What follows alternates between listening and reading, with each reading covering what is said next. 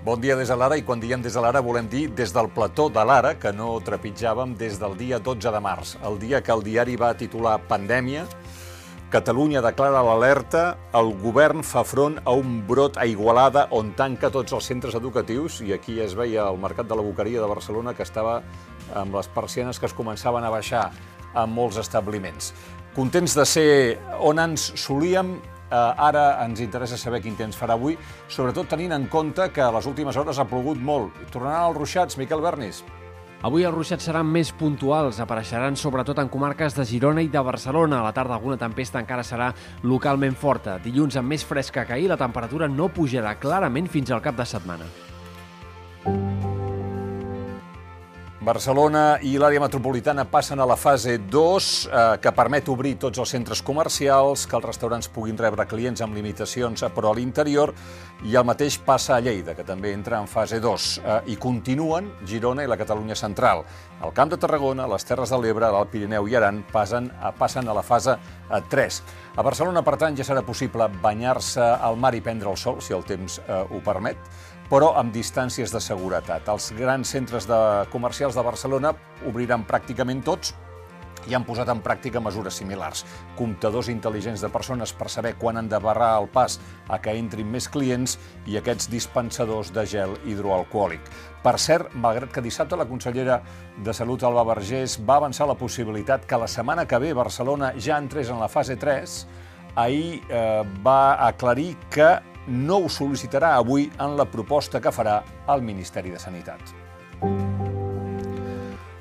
Avui reobren les escoles a Barcelona i a Lleida. D'aquesta manera ja estaran en funcionament els més de 5.000 centres educatius de Catalunya. No tornen les classes, sinó les tutories, eh, però sí a classes de selectivitat i altres activitats amb alumnes, però amb quantitats limitades. La reobertura es eh, eh, té lloc després que el Sindicat de Treballadors de l'Educació de Catalunya, USTEC, impugnés la eh, reobertura dels centres en fase 2 perquè diu que no es donen les condicions de seguretat. Atenció perquè ahir el govern espanyol va anunciar canvis en el criteri de repartiment dels 16.000 milions post-Covid a les comunitats autònomes i el president Quim Torra li va dir al president Pedro Sánchez a la videoconferència de presidents de cada diumenge que estava asfixiant Catalunya. Porque las medidas, el factor tiempo es importantísimo, lo tenemos que solicitar ya, ahora mismo, presidente, y yo tengo que hacer responsable al gobierno de España si no se toman estas decisiones ahora mismo de asfixiar a Cataluña, de comprometer y de entorpecer la recuperación económica de Cataluña si no tenemos este dinero, porque con nuestro presupuesto exclusivamente no vamos a poder hacer frente a todas esas reclamaciones. Comprometer también las políticas sociales absolutamente necesarias para nuestros trabajadores, para la gente más vulnerable, para las familias. La resposta de Sánchez ha sigut fàcil. Mai no s'havien transferit tants milions a les comunitats autònomes. 16.000 millones de euros de fondo no reembolsable, insisto, que es que no tiene condicionalidad, que no son préstamos, son transferencias, que la única condicionalidad es la rendición de cuentas que van a tener que hacer ante la, la, a los parlamentos autonómicos y su ciudadanía. Eh, en fin, 9.000 millones de euros para gasto sanitario, o inversión sanitaria, mejor dicho, eh, 2.000 millones de euros para eh, la educación y eh, 5.000 millones de euros eh, aproximadamente vinculados con eh, la pérdida de ingresos. Yo creo que el gobierno de España, entiendo que los presidentes autonómicos quieran más, más y más, pero el gobierno de España está haciendo una transferencia sin precedentes en la historia de la democracia a las comunidades autónomas. El vicepresident Pere Aragonès, que és l'encarregat dels comptes, eh, en tant també que titular d'Economia del govern de la Generalitat, va piular que esperava conèixer la lletra petita d'aquest anunci de canvi de criteri per part de la Moncloa. La batalla pels recursos, doncs, ha començat i durarà una setmana perquè serà dimarts de la setmana que ve que el Consell de Ministres eh, ha d'aprovar el decret de repartiment d'aquests fons de reconstrucció post-Covid-19. Avui es reprèn el judici contra el major Trapero i l'anterior cúpula dels Mossos d'Esquadra amb les conclusions de la Fiscalia. I atenció perquè Ernesto Ekaizer explica que la Fiscalia donarà dues opcions, la de sedició o la de desobediència per Trapero.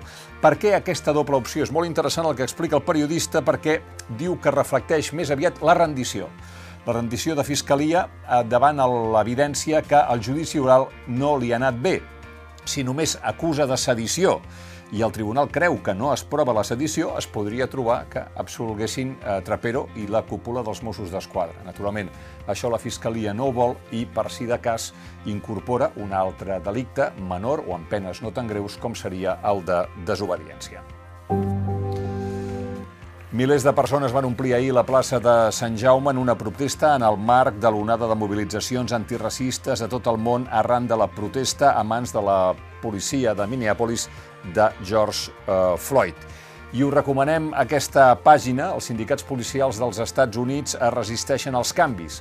Les organitzacions policials sindicals protegeixen els agents acusats de mala conducta i obstaculitzen les reformes. Igualment, mentrestant, el general Colin Powell, que va ser secretari d'Estat amb George Bush, va acusar ahir el president Donald Trump d'haver-se apartat de la Constitució i va aplaudir el rebuig de la cúpula militar nord-americana al desplegament de combat de forces de combat per contenir les protestes al carrer, com havia insinuat que faria el president Donald Trump.